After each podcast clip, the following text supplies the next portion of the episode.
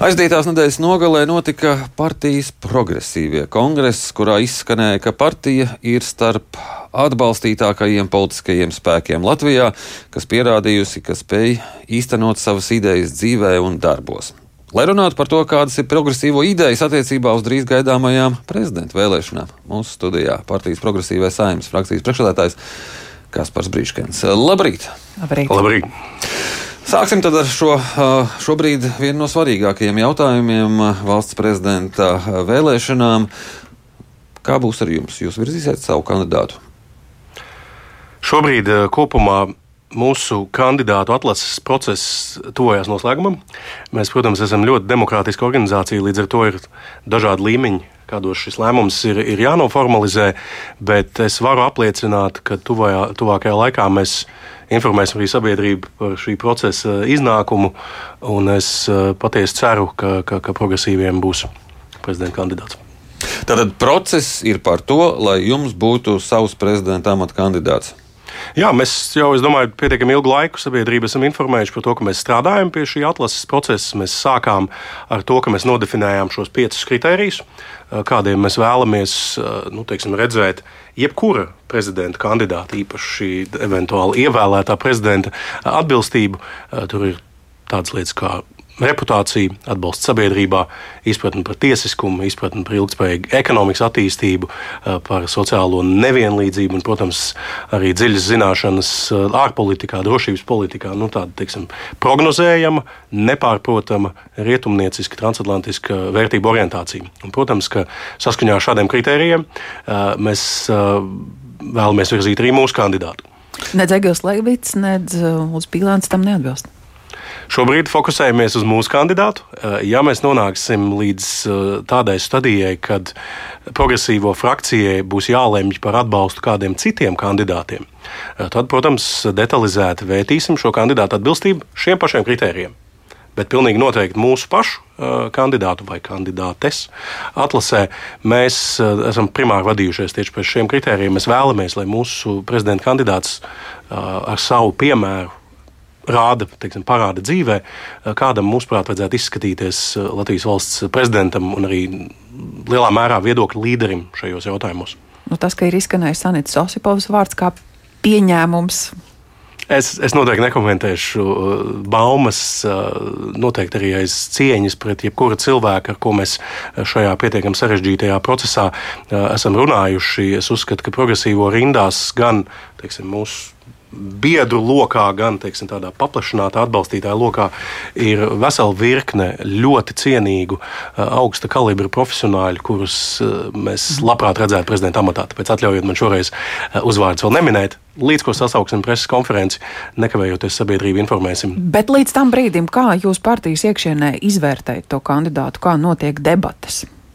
Jā, mēs jau faktiski pirms pāris mēnešiem izveidojām teiksim, progresīvo valdes uh, uzdevumu, uh, tādu sarunu vešanas grupu kurā mēs nominējām vairākus cilvēkus, kas, tad, protams, strādāja gan pie šo kritēriju precīzas definēšanas, gan, protams, sarunu vešanā ar iespējamiem kandidātiem. Bet nu, pēc tam ir kaut kāda balsošana partijas biedru vidū. Kā jūs izvēlēsieties to vienu labāko? Nu, tur ir vairāk līmeņi. Protams, tas ir cieša sazoba lēmumu pieņemšanā ar saimnes frakciju Tie gal galā beigās būs deputāti, kas eh, vēlēs prezidentu. Tā ir cieša sazobe ar partijas valdi, kas tiešā mērā pārstāv arī partijas biedrus. Un tas, ko mēs plānojam arī šajā noslēguma stadijā, protams, ir nu, teiksim, tāda gala diskusija arī ar mūsu biedriem visticamāk, partijas valdes sanāksmi, atvērto sanāksmi ietvaros, nu, kur tad cerams gūsim gala apstiprinājumu, ka visām pusēm kandidāts apmierina, un tad jau, protams, varēsim informēt arī sabiedrību. Nu, laika jau vairs nav atlicis daudz. Kad ir, šī, šī, šī, kad ir paredzēts šis brīdis, kad jūs paziņosiet? Jā, nu, oficiālais iesnieguma iesniegšanas termiņš ir atvērts no 9. māja līdz 13. maijam. Nu, tad, attiecīgi, šajā posmā arī plānojam to darīt. Gaidot uh, vēl pārējos kandidātus, nu, reizēm šķiet, ka, ja novelk līdz pēdējiem brīdim, tas liecina par tādu nedrošību, nepārliecinātību par savu kandidātu. Es domāju, ka, ja mēs eh, izvirzīsim mūsu kandidātu, mēs ļoti stingri un ļoti pārliecinoši stāvēsim aiz šī kandidāta. Es domāju, mūsu kandidāts arī apliecinās, eh, cik spēcīgi viņš iemieso šīs progresīvo vērtības. Es domāju, tur nav nozīmes, vai mēs to izdarām eh, piecas dienas ātrāk vai piecas dienas vēlāk. Galvenais, ka mēs to izdarām likumā noteiktajā kārtībā. Mēs to izdarām ļoti atvērtā veidā, un, protams, arī mūsu kandidāts pēc tam būs pieejams gan uh, masu mediju pārstāvjiem, gan sabiedrībai kopumā, lai tad vērtētu gan šī kandidāta atbilstību šim augstajam amatam, uh, gan arī kopumā teiksim, atbilstību izvirzīšanas procesam. Mēs esam pārliecināti, ka, ka mūsu kandidāts būs ļoti, ļoti spēcīgs. Jums šiverējot pa saimu, kā tur kuluāros runā, cik sīvas būs tās cīņas par to prezidentu? Nu, Kulāros vienmēr ir daudz un dažādas sarunas. Es domāju, ka uh, katra partija skatās uz šo prezidenta vēlēšanu procesu uh, no dažādām dimensijām. Uh, mēs redzam, protams, ka valdošajai koalīcijai nav izdevies vienoties par vienotu kandidātu. Tiek, faktiski tiek virzīti divi kandidāti. Protams, ka arī opozīcijas partijām, nu, no opozīcijas partijām ir izskanējuši dažādi signāli. Mēs, protams, kā progresīvi esam koncentrējušies uz mūsu stratēģiju, uz mūsu teiksim, apliecināto vēlmi virzīt savu kandidātu.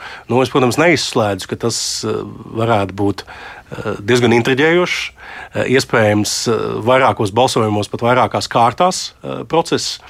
Un es domāju, ka ne, ne viss ir tik acīm redzams, kā, kā varētu likties.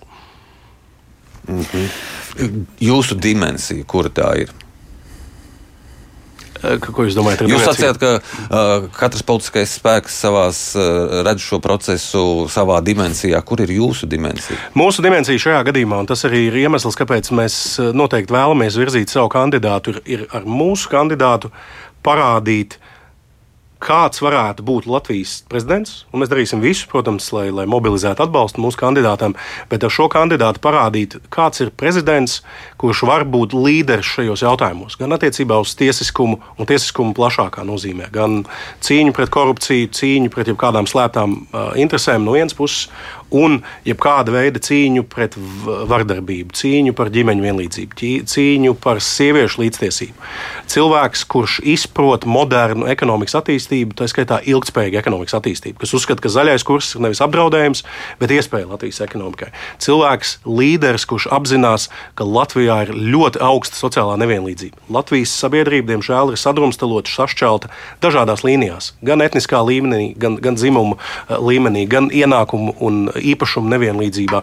Un vienlaikus cilvēks, kas ir spējīgs Latviju pārstāvēt uh, izcilā līmenī, ar spēcīgu angļu valodu, ar spēcīgām zināšanām ārpolitiskajā arēnā šajā ģeopolitiskajā situācijā. Mēs uzskatām, ka šie ir tie pamatkritēriji, pēc kā sabiedrībai vajadzētu vērtīt un saimnes deputātiem balsot par to, kurš tad būtu spēcīgākais prezidenta kandidāts Latvijai šajā kritiskajā vēsturiskajā brīdī. Cilvēki, kurš aicinātu pieņemt Stambulas konvenciju, nu, to parasti saka prezidenta amata kandidāti, ka viņi grib pārstāvēt visu Latvijas sabiedrību, kur zinām, ka šis pat um, politiķu vidū ir pretrunīgi vērtāts dokuments, kuram joprojām apstiprinājumu nav. Jā, 18. maijā kā reizes pienāks septiņi gadi, kopš Latvija šo dokumentu parakstīja. Uh, bet vēl nav ratificējusi. Līdz ar vēl piecām Eiropas Savienības dalībvalstīm - Čehiju, Bulgāriju, Slovākiju, Lietuvu un Ungāriju. Līdz ar to ir tikai sešas valsts Eiropas Savienībā, kas uh, tautā to sauc par Stambulas konvenciju, bet pilnais nosaukums ir Eiropas Padomas konvencija par vardarbību pret sievietēm un vardarbības ģimenē novēršanu un apkarošanu. Līdz ar to šajā nosaukumā jau precīzi ir iekodēts tās šīs konvencijas mērķis. Tas, ka Latvijas politikā, protams, tiek veidota dažāda veida kultūra kari, mākslīgi provocēti, lai mēģinātu apelēt pie aizspriedumiem un stereotipiem sabiedrībā. Apstākļos, kad mēs redzam, kad, kad nevainīgi cilvēki, piemēram, šī Jēkabpilī nogalinātā sieviete, nevar iegūt teiksim, sistēmisku aizsardzību pret, pret pastāvīgu varmāku kur faktiski visa eh, sistēma kaut kādā veidā ir kolapsējusi, lai novestu pie šī traģiskā iznākuma, manuprāt, tas, eh, tas nav valsts vīra vai valsts sievas cienīgi. Ja mēs runājam par politiķiem, mēģināt ideoloģiski politizēt šādu jautājumu, apstākļos, kad mums vienkārši ir jāsakārto šī sistēma, lai šis vardarbības kults Latvijas sabiedrībā mazinātos un lai šāda veida vardarbību, šāda veida šokējošas slepkavības mēs varētu novērst jau sen, pirms šie apdraudējumi ir kļuvuši tik, tik reāli. Bet jūs kolēģi saka, gadījumā. ka daudz praktiskāk ir labot tos robus esošajos likumos, kas varbūt šo ir pieļāvuši, nekā pieņemt dokumentu, kurā ir jā, mēs piekrītam, mēs apņemamies, bet nav konkrēts rīcības. Kopumā šajā dokumentā ir arī pietiekami daudz konkrētu rīcību, bet tas svarīgākais ir, ka tomēr Latvija, parakstot šo konvenciju, ko ir arī apliecinājusi atbalstu šai konvencijai arī Eiropas Savienība kopumā, tomēr uzņemās starptautiskas saistības. Un tad jau tālāk no tā izriet visi šie tālākie mājas darbi, kas Latvijai būtu jā, jāizpild. Piemēram, izveidot efektīvu kontrols un uzraudzības uh, sistēmu. Jo šobrīd ir situācija, kad, piemēram, uh, iespējams, ka vienā rajona iecirknī vai novada iecirknī policijas notiek izmeklēšana par konkrētu personu. Tikmēr citā iecirknī šī informācija necirkulē. Iespējams, ka ir nepieciešama kontrolas sistēma, kas gan sociālos dienestus, gan policiju, gan valsts policiju, gan pašvaldības policiju tomēr ieslēdz vienotā tīklā. Iespējams, ka valsts policijā ir jāizveido atsevišķa eh, šāda vardarbības noziegumu izmeklēšanas un kontrolas nodaļa, kas šo procesu koordinē. Jo šobrīd mēs redzam, ka eh, notiek milzīga izvairīšanās no atbildības, pastāv aizdomas, ka faktiski šo varmāku ir piesaguši, viņam bēguļojot no krimināla procesa. Viņam ir vairāk nekā 15 krimināla procesa izvirzīti. Viņš ir nepārtraukti terorizējis gan šo konkrēto uh, sievieti, gan uh, ģimenes locekļus, gan kolēģus. Un neviena institūcija nav spējusi veikt kaut kādas rezultatīvas darbības. Jā, vēl pavisam īsi nobeigumā jūs rosinājāt uh, ratificēt uh, tagad šo konvenciju, neskatoties uz Jēkabils tra traģēdiju, šis rosinājums noraidīts. Jūs ieskatāt pie šī sasaukuma ir iespējams vispār ratificēt šo dokumentu? Es domāju, ka ledus eh, ir sakustējies. Es domāju, ka diemžēl šis traģiskais gadījums eh, var kalpot kā tāds zināms katalizators tam, lai beidzot tomēr arī politiķi pieiet šim jautājumam atbildīgi, nevis no kaut kādām šaurām ideoloģiskām pozīcijām. Mēs redzējām, ka arī pēdējā saimnes balsošanā par šo jautājumu iekļaušanu eh, darba kārtībā iepriekšējā sēdē, viņš starp citu būs iekļauts nākamās 11. maija saimnes sēdes darba kārtībā. Mēs noteikti par to plaši debatēsim, bet mēs redzējām arī balsojumā gan attiecībā uz tiem pārstāvjiem, kas nebalsoja, gan tiem, kas iespējams atturējās, eh, ka tomēr tās nav tikai divas partijas, tostarp progresīvie, kas šo atbalsta. Es domāju, ka veidojās dziļāka izpratne, un šīs saimnes sasaukums laikā mēs to šo Stambulas konvenciju ratificēsim. Jā, liels paldies jums par šo sarunu. Mūsu studijā bija partijas progresīvais saimnes frakcijas priekšsēdētājs Kaspars Briškans. Paldies! paldies.